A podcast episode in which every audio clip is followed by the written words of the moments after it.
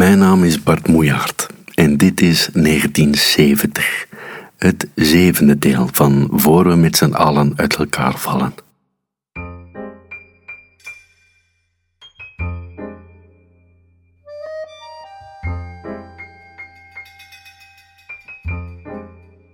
Schijnbaar eenvoudige herinneringen vormen ook kriskras door elkaar de stapstenen die je nodig hebt om jezelf te verklaren.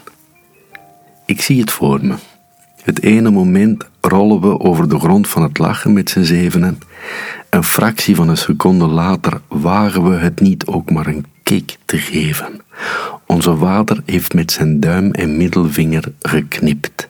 Het moet kwart voor acht zijn. Het nieuws begint. Als we dood willen, moeten we nu opstaan en lawaai maken. Mijn vader zal het geen probleem vinden om de hoofdpunten van het nieuws over te slaan in functie van de tucht. Hij zal het knippen van zijn vingers, dat bij hem klinkt als de tik van een setje hardhouten klaves, misschien nog één keer herhalen. Daarna is het voor iedereen op eigen risico. Mogelijk zal de stoel waarin hij zit ontbranden. En het gevaar bestaat dat we door het flakkerend, gensterend vuur zullen worden verzwolgen. We houden ons gedijst. We leven op de restlucht in onze longen.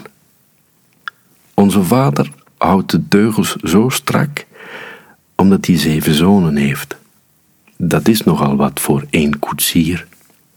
Als je niet wilt dat de paarden zeven verschillende kanten opdraven, ben je genoodzaakt de richting aan te geven, bijvoorbeeld met een vingerknip.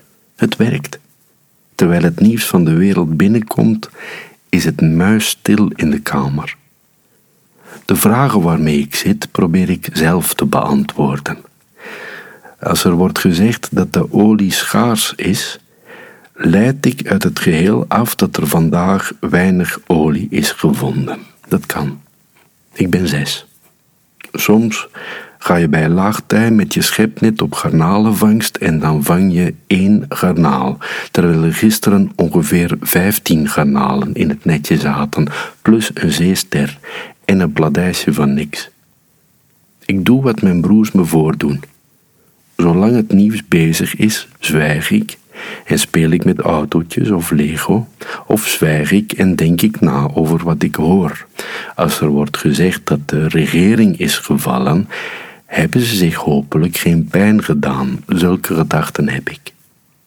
Mijn wereld is nog niet veel groter dan het huis waar ik woon, de kleuterschool in de straat en de landerijen eromheen. De sloten zijn, zoals ze in Wij ontdekken de natuur staan omschreven. Je vangt stekelbaarsjes. Je vindt paddensnoeren, kikkerdril. Het is een tijd van flessenpost versturen in de overtuiging dat je antwoord uit Engeland zult krijgen. Ik weet ook van het bestaan van veroverledenen af. Dat zijn mensen die al dood zijn, maar opnieuw overlijden, want veroverledenen, zo spreekt de mompelende pastoor elke week voor de overledenen uit. Laat ons bidden omdat ze nog eens overlijden. Alles is mogelijk. De lucht is schoon, de keuken glanst en morgen gaan we naar de grotten van Han. In datzelfde jaar zit er een man in een krapootje. Hij is de vader van Olga uit Jan Wolkers Turks fruit. Die man knipt niet met zijn vingers. Hij vertelt altijd dezelfde moppen, onder andere die van die twee jongens die naar Parijs gingen, namelijk niet. Als hij de Radetzky-mars hoort, zingt hij mee. Tietekon, tietekon, tietekon, kont, kont. Olga heeft prachtig kastanjerood haar en bruine, nee, gouden ogen. Haar lief is een kunstenaar die haar verafgoot. Hij bezingt haar borsten, die als ligt met de tepels naar het plafond blijven staan. Ze zijn bespikkeld met honderden kleine sproetjes, alsof ze met bruine suiker bestrooid zijn. In het jaar dat de roman Turks fruit verschijnt, moet ik nog zeven worden. Terwijl er in de wereld om me heen taboes sneuvelen, waarmee ik bedoel dat er gesprekken mogelijk worden die daarvoor ondenkbaar waren, knipt mijn vader met zijn vingers en leer ik op het moment dat er informatie wordt doorgegeven te zwijgen. Jaren later, als de verfilming van Turks fruit op de televisie komt, is er veel gedoe over, ook bij ons thuis. De lucht in onze woonkamer staat stil. In mijn herinnering smijt Rutger Hauer ergens in de eerste minuten van de film zijn geslachtsorgaan op een blad tekenpapier.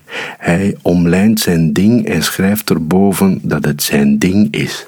Verder is er Olga, aan wie je in één oogopslag kunt zien dat ze vaak honger en dorst heeft. De levenslust spat van haar gezicht. Ondertussen kun je in onze huiskamer een speld horen vallen. Onze vader heeft zijn pijp in de asbak gelegd.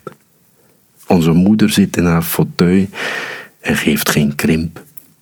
Mijn broers en ik, we hangen met z'n vijven, zessen, zevenen rond de televisie. Ik herinner me niet met z'n hoeveel we ademhappend naar het scherm staarden. Het waren in elk geval veel jongens die op dat moment haast geen lucht kregen. Wanneer zou onze vader opstaan uit zijn stoel, naar de televisie lopen en aan de knop draaien? Ik denk dat we de acht minuten hebben gehaald. Daarna was het volgens hem de hoogste tijd voor iets anders, waarmee ik bedoel dat je leert om na een vingerknip in stilte informatie op te slaan.